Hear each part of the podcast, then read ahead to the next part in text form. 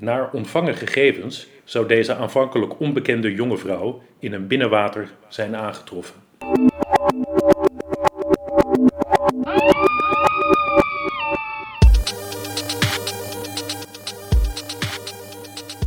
Vandaag blijft een mooie dag. Dat zie je aan de weken zon.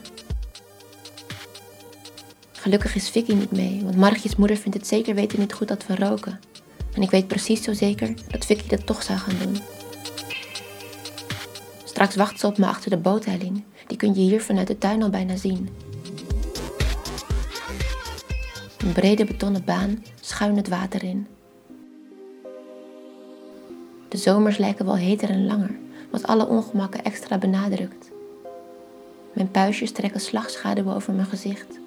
Een beeld dat ook het spiegelglas van de serre me nog eens invrijft.